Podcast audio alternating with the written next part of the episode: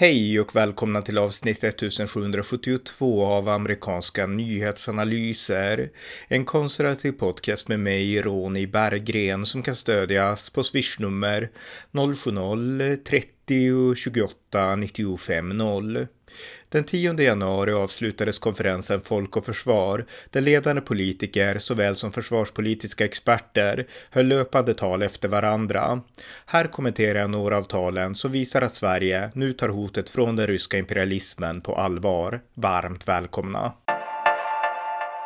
Ja, krigen och krisen i världen har gjort att försvarspolitik har hamnat på toppen av de flesta västerländska länders politiska prioriteringslistor. Och häromdagen, närmare bestämt den 10 januari, så avslutades den svenska försvarspolitiska konferensen Folk och Försvar. Och temat för konferensen, det var såklart Sveriges och Finlands inträde i NATO, Rysslands invasion av Ukraina och att Sverige tar över ordförandeskapet för EU. Och några av talarna var Sveriges statsminister Ulf Kristersson och eh, NATO NATOs generalsekreterare Jens Stoltenberg och många andra. Och jag tänkte här berätta lite om talen och göra mina säkerhetspolitiska analyser därefter. Men först kort lite bakgrund. Folk och Försvar bildades 1940, alltså i början av andra världskriget, som en politiskt obunden organisation. Och sedan 1946 har Folk och Försvar anordnat eh, försvarspolitiska konferenser, oftast i några av våra vackra svenska fjällmiljöer. Och sedan 1993 så har sätet för konferensen konferenserna varit i Sälen.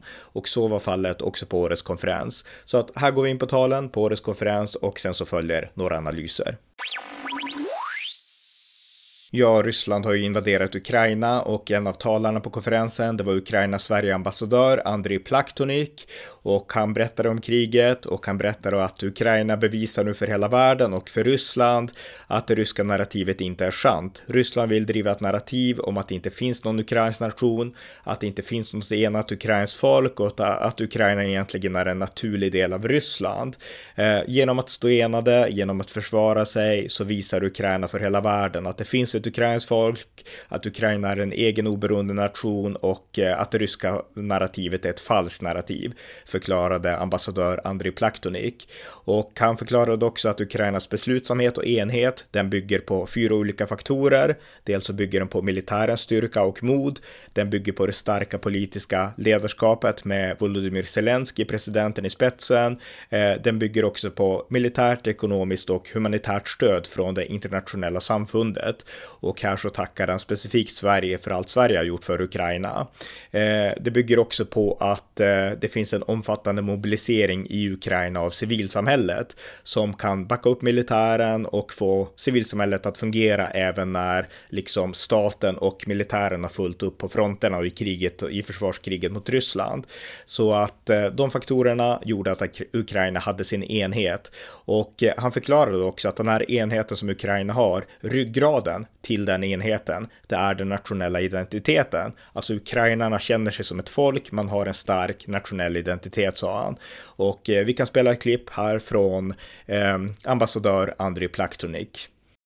On February 24th, 2023, it will be exactly one year since this full-scale invasion of Russia against Ukraine started.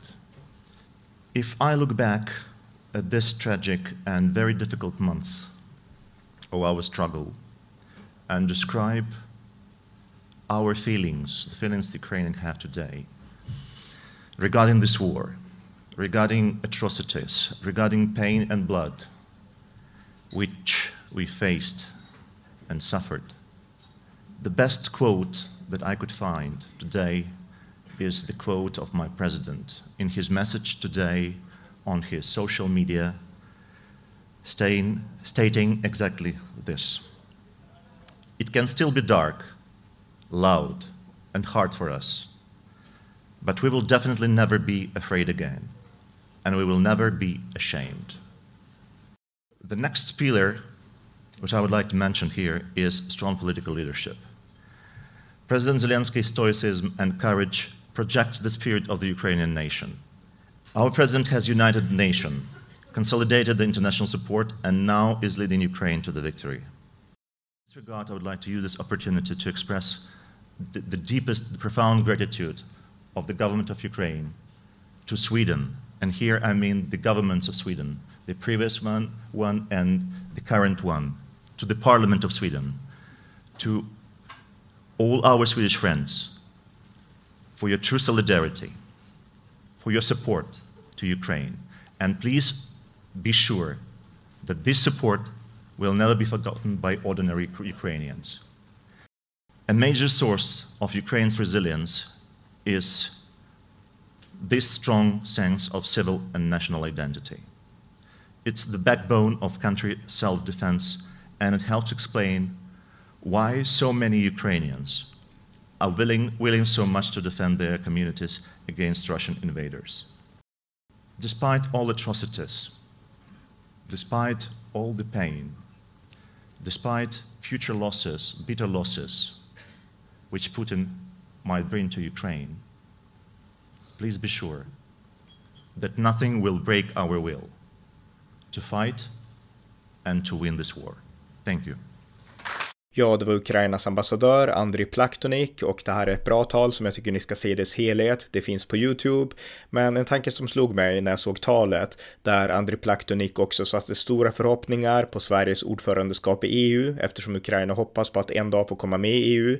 Det var att eh, på sikt så måste Ukraina också vara på sin vakt, inte bara mot det hårda militära hotet från Ryssland utan också mot det mjuka hotet som kommer från Västeuropa.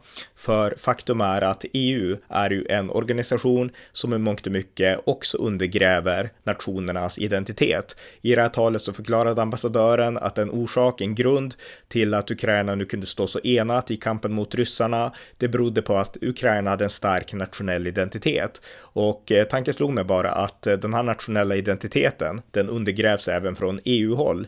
EU vill på något sätt sudda ut alla nationsgränser och luckra upp de, den särprägel som olika nationer har. Jag menar, det kan vi inte se minst i förhållande förhållande till länder som Polen med sin katolska abortkritik. Vi kan se det i förhållande till Ungern som inte alls vill ha europeisk massinvandring och det har gjort att EU har blivit sura och arga och har gjort allt möjligt för att undergräva de här länderna. Och jag tycker inte att EU ska handla om sånt, utan EU måste ge utrymme för nationer att vara olika, för Östeuropa att vara Östeuropa, för Sydeuropa att vara Sydeuropa och för norra Europa, inte minst Sverige i snusfrågan, att vara Sverige. Alltså alla måste inte bli en och samma sak och smältas ihop i någon slags stor smältdegel. Det är EUs stora svaghet.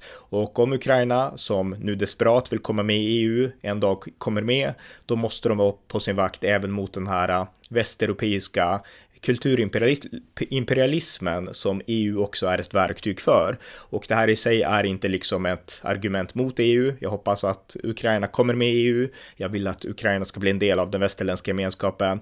Men jag tror att eh, Ukraina, men även vi i väst, vi som redan är medlemmar i EU, vi måste tänka till. Alltså den nationella identiteten är viktig och den ska upprätthållas även för länder som är med i EU. Så att det är liksom en sån här punkt från sidan som jag skulle vilja skjuta in som jag kom att tänka på när jag såg det här talet. Men det var alltså Andriy Plaktinuk, Ukrainas ambassadör i Sverige. Nu går vi vidare till nästa tal. Ja, en annan talare som jag fann intressant, det var NATOs Supreme Allied Commander for Europe, eh, Christopher J.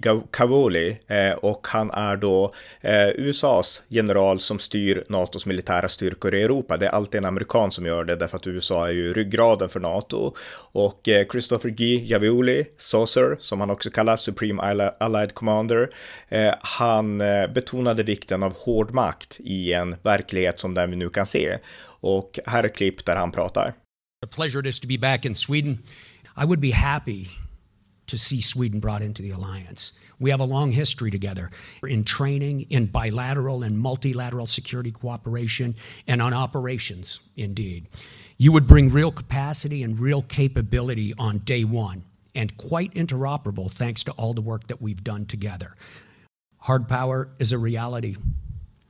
Soft power is good and useful and even necessary. And integrated deterrence, of course, relies on all elements of national power economic, diplomatic, informational.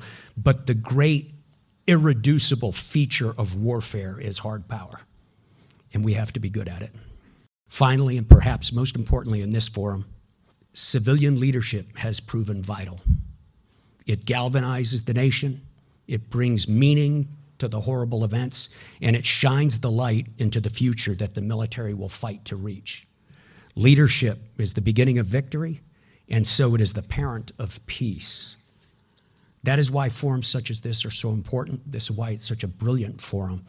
I feel very privileged to have had the chance to share my thoughts with you as you do so, and thank you for the opportunity. Och eh, jag tyckte det var mycket intressant. Eh, Christopher G. Caroli betonade hur viktigt det var att Sverige och Finland kom med i NATO, men framförallt så pressade han just på det här med vikten av hård makt. För det här är ju en insikt, alltså att det behövs hård makt, militär, som Sverige de senaste årtiondena har blundat inför. Vi har föredragit mjukt makt, vi har haft politiker som har kritiserat USA inte minst för att USA har använt hård makt i Afghanistan och Irak och så vidare. Och eh, nu kommer det en amerikansk eh, befälhavare och säger att hård makt behövs. Och eh, det är precis det som vi i Sverige behöver höra. Sen krävdes det tydligen ett krig mitt i Europa för att vi skulle inse det. Men nu verkar vi vara inne på samma spår och det är mycket glädjande. Så att det var några klipp av ehm, USAs eller NATOs Supreme Allied Commander Christopher G. Cavioli. Nu går vi vidare till nästa tal. Ja, en annan internationell talare, det var Finlands utrikesminister Pekka Haavisto och han betonade den historiska vänskapliga relationen mellan Sverige och Finland och vår gemensamma väg in i NATO. Sverige är vår närmaste bilaterala partner de senaste åren och genom tiderna. Från att ha varit delar av samma rike blev Sverige och Finland bästa vänner och grannar. Under hundra år som storfurstendöme i det ryska riket var det arvet från den svenska tiden som skyddade oss mot förryskningsförsök. Under den första tiden när Finland var självständigt kom Sverige till hjälp när vi hade det som svårast. Ibland har grannens kritik också kunnat rädda liv. År 1918, efter inbördeskriget, lyfte den svenska pressen fram situationen för de röda fångarna i fånglägren. Under krigsåren deltog svenska frivilliga i både vinterkriget och fortsättningskriget. Sverige sände betydande mängder materialhjälp. Sverige mottog också cirka 70 000 krigsbarn från Finland. Finlands sak är vår, sades det i Sverige. Under efterkrigstiden har vi tillsammans integrerat oss i nordiska och europeiska institutioner. Det var en stor sak för Finland att gå med i Nordiska rådet år 1955. På 1990-talet gick Finland och Sverige med i EU på samma gång. Lissabonavtalet år 2007 gav våra länder EUs säkerhetsgarantier. Nu kommer vi att ansluta oss till en försvarsallians tillsammans. Många frågade varför det var så bråttom att fatta beslut om NATO-medlemskap. För finländarna var det självklart varför. För varje vecka som gick ökade risken att något oväntat skulle hända i världen, något som skulle göra det omöjligt att just vid den, den tidpunkten lämna in en NATO-ansökan. Samtidigt månade vi om att ha en grundlig process. I finska riksdagen föll rösterna för ett NATO-medlemskap 188 mot 8. Idag stöder ungefär 80 procent av finländarna NATO-medlemskapet. Det har också diskuterats om man ska ansluta sig till NATO med restriktioner. Varför skulle man frivilligt vilja begränsa sin handlingsutrymme? I Finland har vi redan konstaterat att även om vi inte i förväg ställer några restriktioner för vårt NATO-medlemskap så har vi inga planer på att ta in kärnvapen på vårt territorium. Vi lämnade in NATO-medlemsansökan tillsammans. Vi kommer också att slutföra processen tillsammans. Det är också viktigt att komma ihåg att världen är mycket större än Europa. Vi kommer att få leva i osäkerhet en längre tid. Kriget i Ukraina ser ut att bli långvarigt och ingen vet vad som kommer att hända med Ryssland. Under osäkra tider är det viktigt att ha goda vänner. Jag är säker på att vår månghundraåriga vänskap med Sverige kommer att fortsätta under en lika lång tid framåt. Tack. Så det var några klipp från Pekka Haavisto, Finlands utrikesminister och jag tycker att det här var ett av de mer intressanta talen. Därför att just den här historiska relationen mellan Finland och Sverige, det är någonting som vi här i Sverige i mångt och mycket har glömt bort idag. Eh, det är inte många svenskar som tänker på det eller ens bryr sig om det, men det är ändå ett historiskt faktum som vi behöver påminnas om och eh, jag tycker att det är hög tid att börja återuppliva den liksom finlandssvenska eh, gemenskapen och våra historiska band. Alltså det måste återupplivas i synnerhet från svenskt håll tycker jag och det måste få en djupare folkförankring den här historiska relationen och eh, Sverige också måste också i rent försvarspolitiskt avseende verkligen inse och eh, komma till insikt om att vi håller och att vi vill hålla Finland om ryggen i det här säkerhetspolitiska läget. Jag menar, Sverige är ju oerhört mycket tryggare tack vare att Finland är en mur, alltså Finland står mellan oss och Ryssland. Det är Finland som kommer att ta de primära markstriderna om Ryssland invaderar.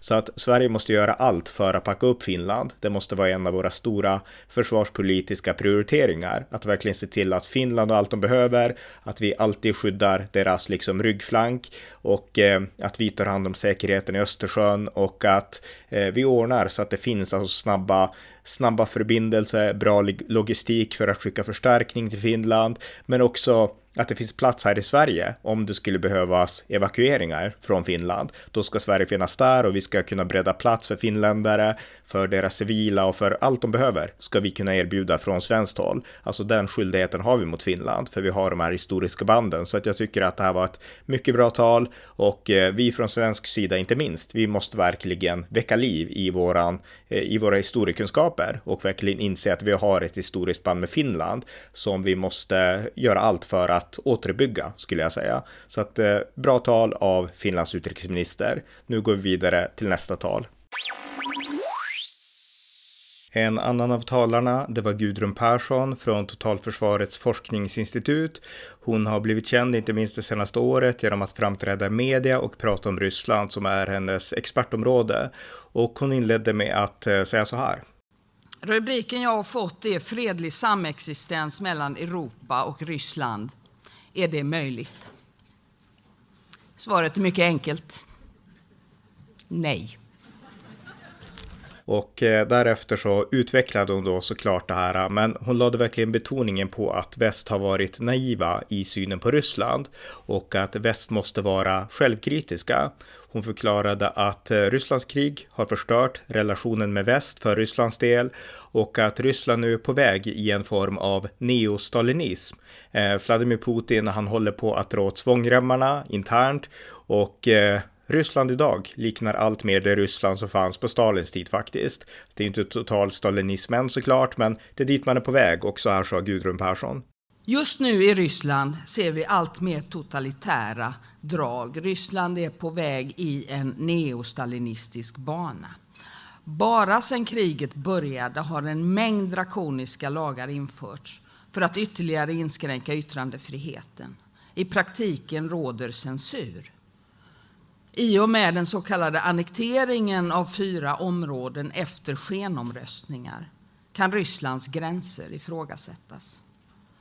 De fåtaliga oberoende medier som tilläts finnas före den 24 februari har stängts och tvingas verka i utomlands. Likadant med den lilla spillra av opposition som verkade för ett fredligt Ryssland. Det är antingen i fängelse eller i landsflykt. Den ryska självisoleringen tilltar. Och eh, hon fortsatte också prata då om att det går inte att förhandla med Putin. Putin har kvar de strategiska målen och det kommer framtida ryska ledare att ha också, oavsett hur det går i det här kriget. Ryssland har nu odlat en världsbild av att Ukraina ingår i det ryska moderlandet och eh, den världsbilden kommer inte att förändras, även om det skulle visa sig att Ryssland inte militärt kan vinna. Men så länge den världsbilden inte förändras så kommer Ryssland att vara ett hot och få svårt att leva i fred, eller det kommer inte gå att leva i fred samarbete med väst på det sättet på grund av den här förstörda relationen som Ryssland har förstört genom att anamma de här teorierna om ett ryskt storvälde och liknande.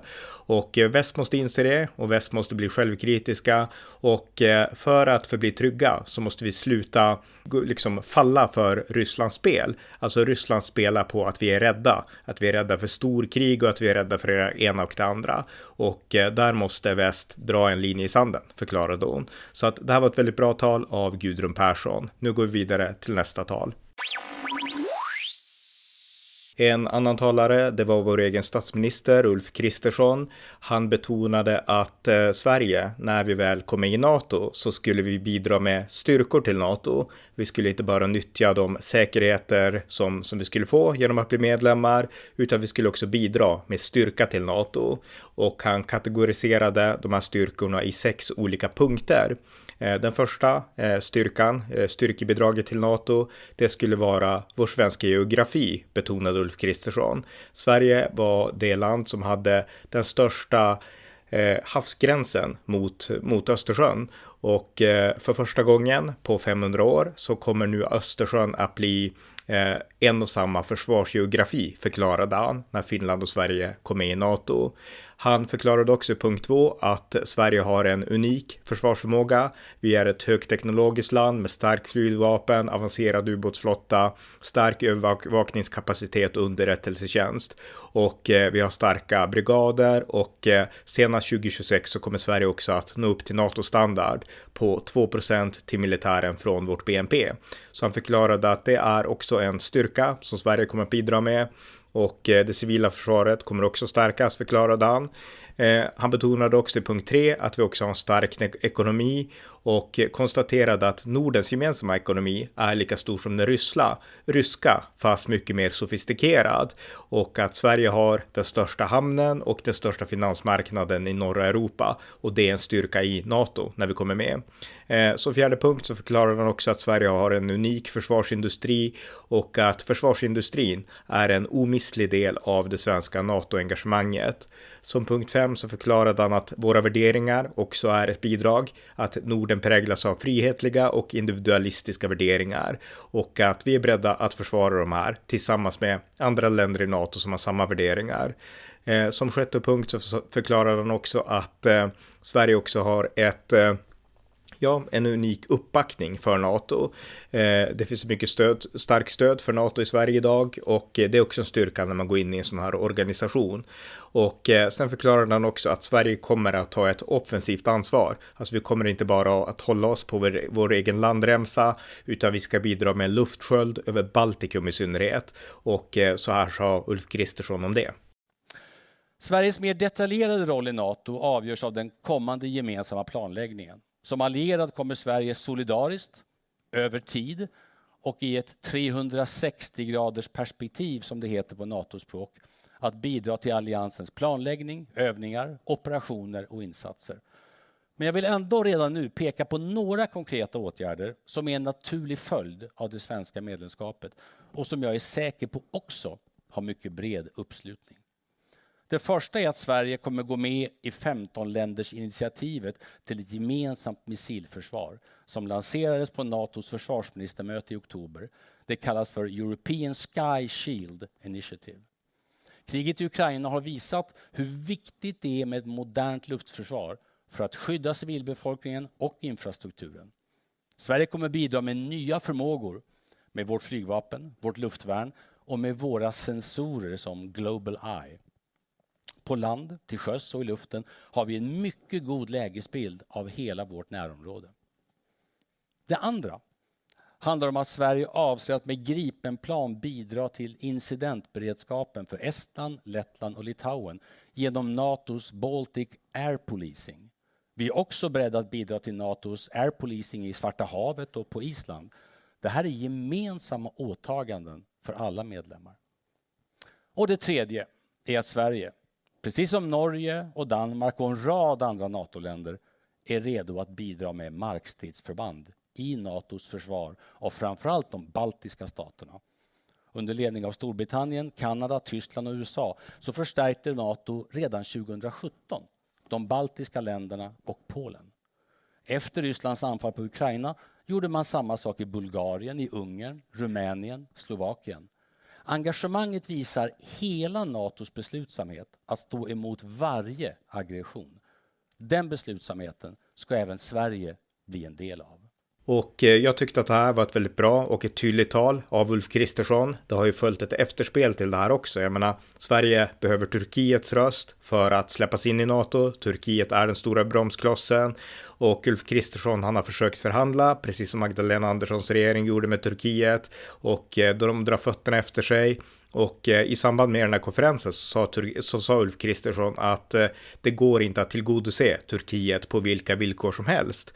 Och de senaste dagarna så har vi fått sett en kurdisk grupp i Sverige hänga upp en docka upp och ner av Erdogan som har fått Erdogan att slå bakut och eh, ett besök av Sveriges talman Andreas Norlén fick ställas in eh, därför att Erdogan är så upprörd. Och eh, vi har diskuterat i, eller det har diskuterats ska jag säga, hur man ska ställa sig till det här och givetvis var det helt förkastligt av den här gruppen att obstruera vårt NATO-medlemskap på det här sättet. De här personerna som har gjort det bör straffas, de är inte lojala med Sverige, det helt uppenbart. Men vi ska samtidigt inte krypa för Erdogan.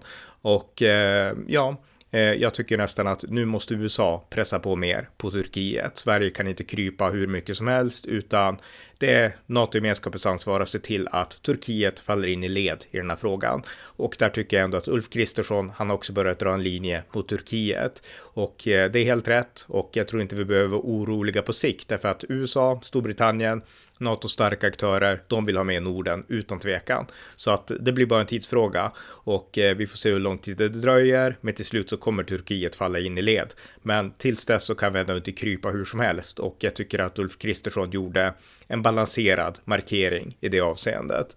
Så att det var ett litet klipp från Ulf Kristerssons tal där han då tydligt förklarade att Sverige har ett ansvar mot Baltikum i synnerhet och att även marktrupper skulle kunna bli aktuella. Och det är helt rätt. Alltså vi måste, NATO bygger på gemenskapen här, att vi liksom täcker upp för varandra och eh, stärker varandras svagheter egentligen. Så att mycket bra av Ulf Kristersson. Eh, vi går vidare till nästa tal. En annan talare, det var NATOs generalsekreterare Jens Stoltenberg som förklarade att vi bör inte överraskas av den ryska brutaliteten som vi kan se i Ukraina. Ryssland har en historia av brutalitet betonade Stoltenberg och eh, NATO, de arbetar nu för att förhindra ett storkrig mellan den här brutala ryska krigsmakten och hela NATO och Europa.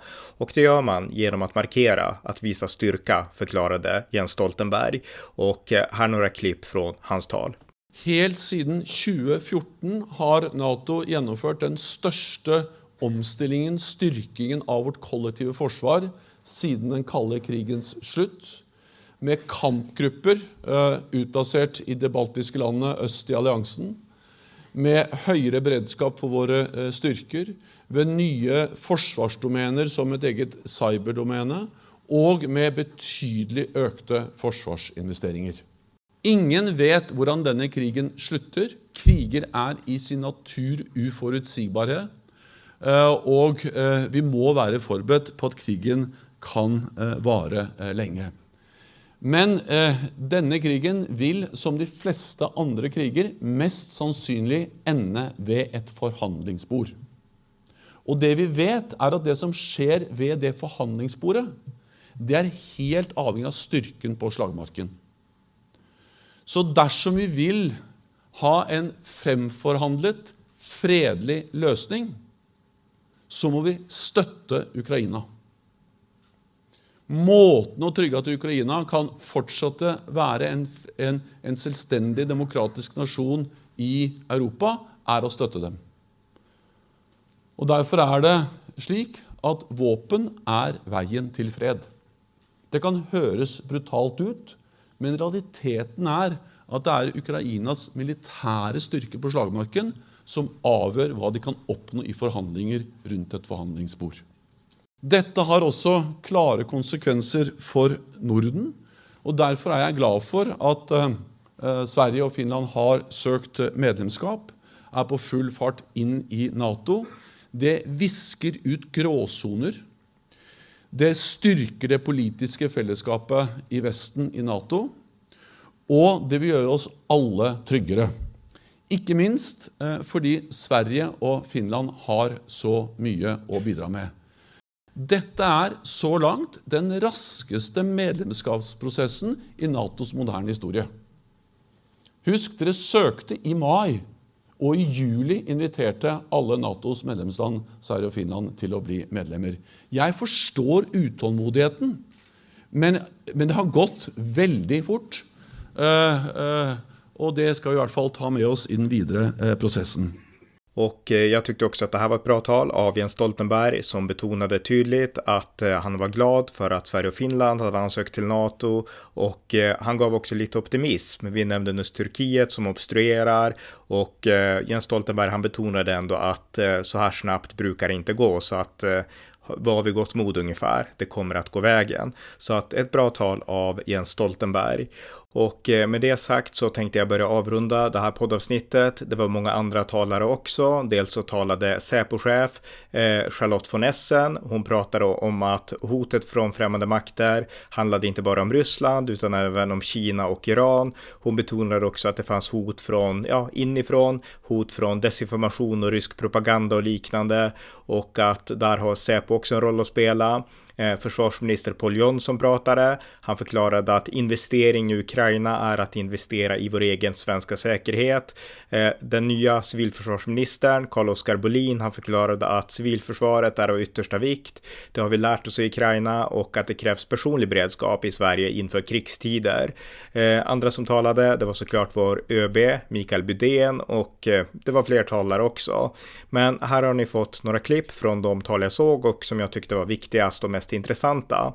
Så att eh, kontentan av den här konferensen är att jag tycker att det har varit en mycket bra konferens som tydligt visar att Sverige har vaknat upp för den ryska faran och Sverige är ett land som inte alltid har varit vaket i förhållande till den här växande faran i öster. Eh, under lång tid, både under socialdemokrater och under moderater under Reinfeldt, så var man blinda inför det här växande hotet från Ryssland och från Putin personligen. Och man ignorerade maktkonsolideringen och uppbyggnaden av militären och eh, kriget i Georgien ignorerade man och eh, även annekteringen av Krim. Det blev en väckarklocka i viss mån, men man reagerade inte starkt nog. Men nu har Sverige börjat vakna. Det framkom bortom alla alla tvivel på den här konferensen så att det var mycket glädjande. Eh, sen kan jag tycka också att det behövs fler aspekter på det här och jag vill allra sist pusha för min egen aspekt. Alltså jag driver ju en konsekvent Rysslandskritik, jag har poddat massvis om Ryssland i ett årtionde, alltså kritiskt mot Putin och kritiskt mot Ryssland. Och jag har intensifierat det här poddandet nu under det senaste året, under krigsåret. Och eh, jag eh, poddar ju som ni vet från sidan. Det här är inte någon liksom eh, etablerad media, utan jag är väl det man skulle kunna kalla alternativ media. Och jag tycker att det är viktigt att det finns också röster från alternativmedia som är Rysslandskritiska. Därför att det är som Säpochefen sa, det finns mycket desinformation och det finns också en stor otillit till mainstream-media bland en stor grupp samhällsmedborgare som tycker att mainstream-media har misslyckats med det ena och det andra. Och den gruppen avfärdar lätt allt som mainstream-media säger. Så att om mainstream-media säger att Ryssland är ett hot, då tror man bara per nästan instinktivt motsatsen. Och därför tror jag att det är viktigt med röster som min, som utifrån egna efterforskningar har dragit slutsatsen, samma slutsats som mainstream media, att Putin är ett hot, att Ryssland är ett hot. Men jag har inte gjort det bara genom att köpa narrativ rakt av, utan genom att själv studera, granska och dra slutsatser och komma till den här slutsatsen. Så att sådana röster på alternativkanten tycker jag också är viktiga. Och eh, framförallt Säpochefen hon tyckte jag på något sätt inte tog det i akt utan hon pratade mer om faran från desinformation och hon tog eh, upploppen vid Kapitolium och det som hände i Brasilien som exempel. Och det är såklart konsekvenser av felaktig information från sidan. Men det betyder inte att allt ska streamlinas utan det finns sunda röster från sidan också. Och de behövs och de hjälper till att få in liksom även de fria tänkarna in i follan, även om det kanske är felaktigt uttryck, men att förstå den här situationen rätt. Så att det är någonting som jag hoppas att jag med den här podden kan bidra till, vill jag bara avsluta med.